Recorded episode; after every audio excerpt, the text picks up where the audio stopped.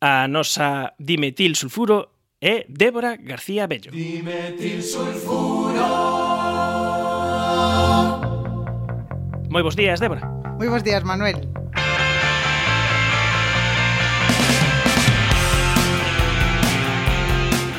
Sei que esta tempada andas moito por Bilbao e facendo charlas e relatorios e ciclos de Arte e Ciencia. Pois sí, é a tempada, a nova tempada do, do Ciencia e Arte. Xa levo tres anos organizando coa Cátedra de Cultura Científica pois é unha xornada sobre ciencia e arte e cada ano mm, vais con, sobre algún tema un pouco en concreto. Este ano foron sobre a percepción, nun, unha das xornadas era a percepción da arte dende o punto de vista da crítica de arte, da neurobioloxía e da psicoloxía. E esta última que, que aconteceu a semana pasada pois foi sobre percepción de arte, pero dende o punto de vista da percepción do, do, do entorno, da paisaxe, do punto de vista da escultura, da arquitectura e da enxeñería. A concepción da arte depende moito de cada quen, das nosas circunstancias, da nosa cultura, dos nosos gustos, eh, da nosa trayectoria. E hai a veces que a xente pois di, eu isto non vexo que se, se sea arte e outros casos no que pode haber pois o mellor é falta de educar ese, esa ollada, esa ollada crítica, esa capacidade de ver. E hai un caso moi singular onde se manifesta todo isto que estou a dicir, que é o caso do grafiti. Pois sí, porque o graffiti é arte tamén. É un arte. Sí, sí. A ver, claro, existe existe esa percepción tamén de que, claro, tamén é vandalismo. É que, claro, é, forma parte, o vandalismo forma parte da concepción do que é o graffiti. Entón, claro, para algúns se quedan solamente coa parte vandálica e destructiva, pero ten unha componente de expresión artística moi importante e moi interesante. É moi interesante, é que é un arte, a ver, isto que vou dicir, é un arte do noso tempo, pero non é do noso tempo. Non, non é do noso tempo. De feito, a palabra graffiti xa ven eh, de Pompeya. O sea, os grafitis pompeyanos, de aí ven a palabra, porque grafite ao final é pues, escribir, non? Eh, eh, os, os pompeyanos escribían nas paredes, claro, con técnicas que non son as que temos agora, porque empregaban unha técnica parecida ao que agora chamamos encáustica, que é máis ou menos mezclar, mesturar pigmentos con ceras para facer unha pintura que pudese permanecer nas, nas paredes. Enlucían primeiro as paredes e pintaban con iso.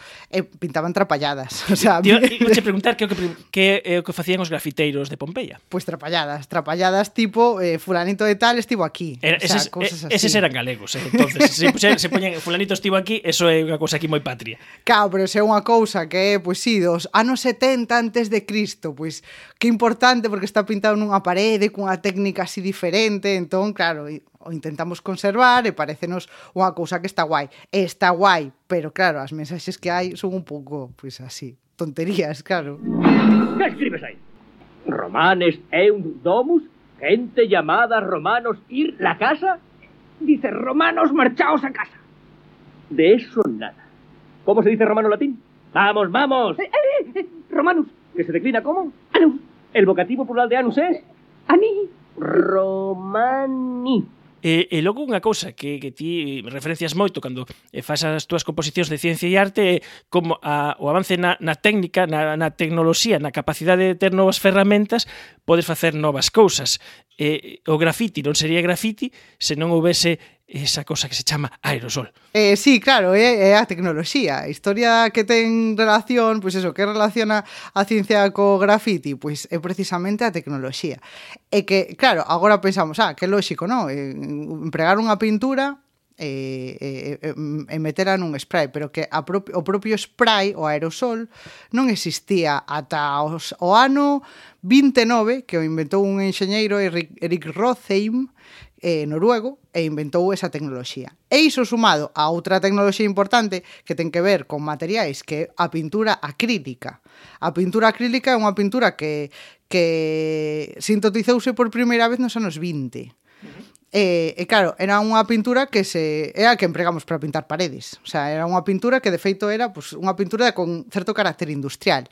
Entón empezaron a empregala en arte uns loucos que eran eh, os, os muralistas mexicanos. Porque claro, se ti queres pintar unha parede cara ao exterior e que dure, e incluso coa contaminación, co temas, mm. bueno, de, de, de, de que choiva, estas cousas, pois pues claro, non podes pintar o óleo, tens que empregar un tipo de pintura, un fresco, por exemplo, cara fora, cara a intemperie, pois pues tampouco perduraría. Miguel Ángel no século XX utilizaría esta pintura acrílica. Efectivamente, sí, pero foi foi toda unha revolución, porque como, ala, de repente empregar unha técnica que non é artística, para facer algo de arte, pois xa foi unha cousa revolucionaria. Empezaron a empregala nos anos 20, co cal xa empezaron a darlle como certa categoría, non? Porque dentro da pintura hai un pouco iso de que non eres pintor se non sabes pintar o óleo. Sabes? E entón estes empregaban a pintura acrílica e claro, a pintura acrílica está feita tamén con pigmento, pero ten esa base o que fai aglutinando, o que fai de pegamento dese pigmento en un, un composto sintético que chamase acrílico. E, e claro, pintaban con isto, entón esa pintura, ao que ten moi chulo, é que queda como, como que plastifica. Entón podes repintar por riba e adírese unha capa a outra moi facilmente. Non ten uns cambios de color moi importantes durante o secado, que iso, iso tamén é interesante, e resiste os cambios de humidade e demais. Entón está guai. Claro, pero se tes que pintar cun pincel, pois claro, tardas moitísimo tempo. Entón, o tema dos sprays pues, está moi ben porque, claro, podes meter esa pintura dentro dun aerosol. Pero, claro, a historia do aerosol tamén foi... Eh, eh, igual que o acrílico, empezou, investigouse, ah, que podemos empregar para pintar eh, electrodomésticos. Uh -huh. Claro, non era para nada artístico. Primeiro inventouse a tecnoloxía aerosol para insecticidas, O sea, claro, para meter algo e poder espolvorealo fácil. E, e logo a, a, a outro enxeñeiro eh, foi o que dixo ah, se meto aquí pintura neste aerosol? Claro, ti non podes meter pintura acrílica e xa está, porque claro, unha cousa densa e non apretas esa eh, e, e, eh, a pintura. Entón, eh, seguro que os que manexaxedes algunha vez un spray tes que axitalo. E eso, eso faise porque dentro do, do aerosol hai dúas fases. Unha fase que é a pintura acrílica, que tamén soe ter algún tipo de disolvente para que seque rápido, pois algún eh, componente aromático, normalmente. E logo hai outra a outra fase é un propelente, que é un gas que está aí metido a presión, ¿no? que pode ser propano, enebutano, hai diferentes, non? Que houve unha época que os propelentes eran tóxicos para a capa de ozono, que eran os famosos CFCs, que eso tiveron moita, moita sona, e que foi un dos grandes logros que tivemos como planeta, como humanidade, que, bueno, hai moitas historias polo medio, pero conseguimos eh, acabar bueno, ata o que se sabe agora que, bueno, hai uns chineses que fan unhas cosas raras, acabar coa misión de CFCs e protexer o burato zaro. Pecho paréntese.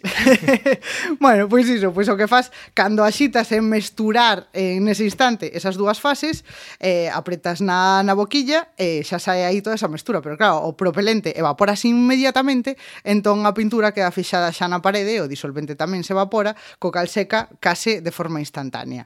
E podes pintar moi rápido con iso. Entón, claro, mesturas así diferentes tecnoloxías que non en principio eran, pois iso, para, para pintar electrodomésticos e que volvesen a aparecer novos, non? Pois, pois eso, os primeiros eran pois, de cor branco, negro, bueno, como poden ser electrodomésticos da casa.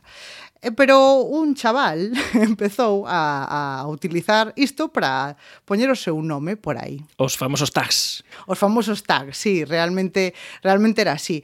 Pois era era un, un tipo de mm, de Filadelfia que firmaba co nome de Cornbraid que se supón que é o primeiro grafiteiro. Entón, claro, se vas por Filadelfia, agora non, non quedan, non? Pero eh, queda algún. Pero eso, empezou a poñer seu nome, además con letras tamén trapalleiras, uh -huh. pero bueno, foi o primeiro que se lle ocorreu. Pero o que foi realmente famoso do tema de graffiti foi eh, un neoyorquino, Taki 183 que era como firmaba. Este este rapaz o que era era mensaxeiro en Nova York. Entón, claro, eh, percorría en metro toda a cidade, co cal en e tiña dous, tempo. E tiña tempo. Total, en dous días tiña a firma de Taki 183 tamén cunhas letras moi trapalleiras, pero claro, e che, e, estaba chea a cidade de Nova York da súa firma. E eh, o New York Times, isto foi nos anos 70. Uh -huh nos anos 70 eh, do século XX. Do século XX. Eh, entón saiu no New York Times a noticia de Taki 183 está firmando por toda a cidade. Co cal, claro, se algo sai no New York Times faise viral. Entón, outros chavales pois, empezaron a, a, a imitalo e aí se supón que ese é o xurdimento do graffiti tal, com, tal e como coñecemos agora. Como, como arte urbana que require facelo rápido, eh, bule bule, para evitar eh, ter problemas, se estás facendo onde non debes, ter problemas coa autoridade.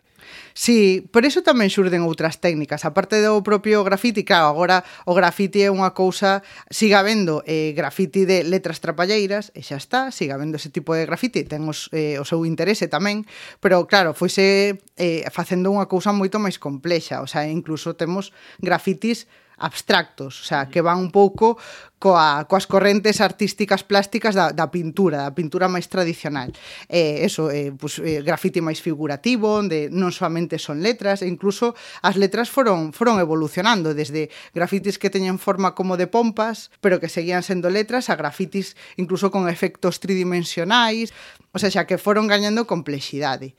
Eh, Banksy, que, que seguro coñecedes a este grafiteiro, grafiteiros, ninguén sabe o que é. Ano, anónimo todavía. anónimo todavía. De momento. De Foi o que un, uns dos que, bueno, puxeron de moda esa técnica do stencil, o empregar pues, unha plantilla, facer un recortable, eh, poñelo sobre a parede, pintar e, claro, solamente queda o que quedou do recortable. Pode ser unha cousa... Que, que esto, tamén se, se nos volvemos, isto se estaba inventado cando pintábamos as nosas mans nas, nas covas e, e a plantilla plastilla era man. Sí, efectivamente, esa é a técnica do stencil, pero claro, axiliza un montón o feito de pintar unha cousa con moita complexidade que podas facelo nos segundos, con moita preparación. Porque a complexidade ates antes. Ates antes. Aquí en Coruña temos un grafiteiro que fai cosas super chulas que chamase R. White e que, e que fai precisamente é un mostro da técnica esta do stencil. Fai cousas excepcionais. E, e non só iso, claro, E logo tamén outras cousas que tamén se chaman graffiti, pero que non empregan aerosol, que é pegar cousas nas paredes, porque claro, ti pegar un cartel non ten a mesma multa que pintar cunha pintura. Podes facelo rápido, entón hai moitos eh, grafiteiros que, que empregan técnicas deste tipo, recortables de papel e cartéis ou pegatinas, que hai moitísimas pegatinas por aí, fixadevos, moi chulas, con diseños moi guais, e que son unha forma rápida de facer grafiti e que a multa, pois non sexa E, e tamén hai a posibilidade, tamén hai quen o fai con, con azulejos. Sí, Invaders. Sí que fai con estes marcianitos dos mm. Space Invaders, pois sí, emprega emprega azulejos. E claro, é outra forma tamén. E claro, aí xa entras en e isto que é? porque mm. estás igualmente colonizando paredes, pero non estás empregando pintura, entón xa é outro tipo de cousa. E bueno, están están ademais, o sea, son de de vas de viaxe, encontras invaders en todo o mundo, E xa non son os auténticos, ou non?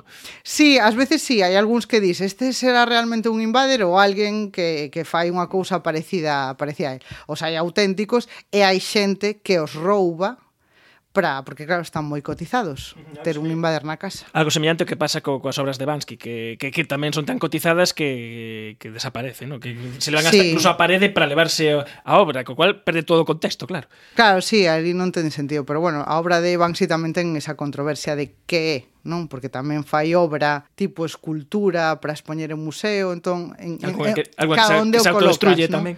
Claro, sí, entón onde o colocas é, bueno, un personaxe moi moi controvertido. E en Galicia temos eu coido que vos exemplos de como esta arte eh, pode dar cambios radicais a barrios e a vilas. Sí, empregase, o sea, o grafiti empregase de feito, pues eso, en, en, en cidades galegas, vémolo de calles que ou incluso eh, calles que están así, pues que non teñen moito tránsito ou incluso negocios que pecharon eh, e decóranse con grafiti. Pero bueno, aquí xa entramos en que grafiteiros se prestan a facer este tipo de cousas e cales non, porque aquí hai unha guerra. Aí sí. Claro. Aí, que porque... entre, entre o, o, o sector máis puro e máis eh, contestatario, por así decir, e o profesionalizado, non? Entendo que pode sí, ser é un, é un pouco, non é, non é tanto que cobrar ou non cobrar, pero é, é ese... É, os que se, os que fan graffiti métense no graffiti tamén por esa pulsión artística, pero en parte tamén por esa adrenalina de ir a facer vandalismo, ¿no? Vandalismo, eh, estou empregando esa palabra non en sentido pexorativo, eh, senón como algo que, que pode ser interesante, ¿no? Como fenómeno. Entón, empezas dunha forma así e logo se o monetizas, e o non só que o monetices, pero que das a cara, eh, claro, empezas a negociar de, ah, fagoche este mural ou non, que pareceme que está ben, pero sí que hai guerras entre eles de ti non és un grafiteiro de verdade, ti és un muralista. Está, está na comunidade ou non estás, estás dentro da comunidade claro. ou estás fora da comunidade. Sí, sí, ¿no? eres un vándalo ou eres un muralista. Entón aí xa hai moita controversia. E outra cosa interesante, todas estas cousas que estamos eh, falando esta mañá con, con Débora, ela, a parte delas, as deu nun, nunha das charlas de, de Naucas en Bilbao hai dous anos. Empezamos con Naucas e imos a, acabando con Naucas. E unha cosa que contabas que, que tamén é fascinante é que, eh, sendo toda unha cultura urbana, o, o mundo do, do grafite tamén a cultura que move moitos cartos e hubo quen tivo visión para aproveitalo. Sí, este é un caso super chulo, porque ademais é un caso un caso que sucede que aconteceu aquí en España, porque a xente que pinta grafiti, a maior parte dos grafiteiros daqui empregan case con toda a seguridade grafitis eh, aerosois de, de Montana Colors, da empresa Montana Colors. Pois esta empresa ten unha historia moi chula. Resulta que os primeiros sprays de pintura que empezaron a empregarse en, en grafiti foron os Krylon e os Felton.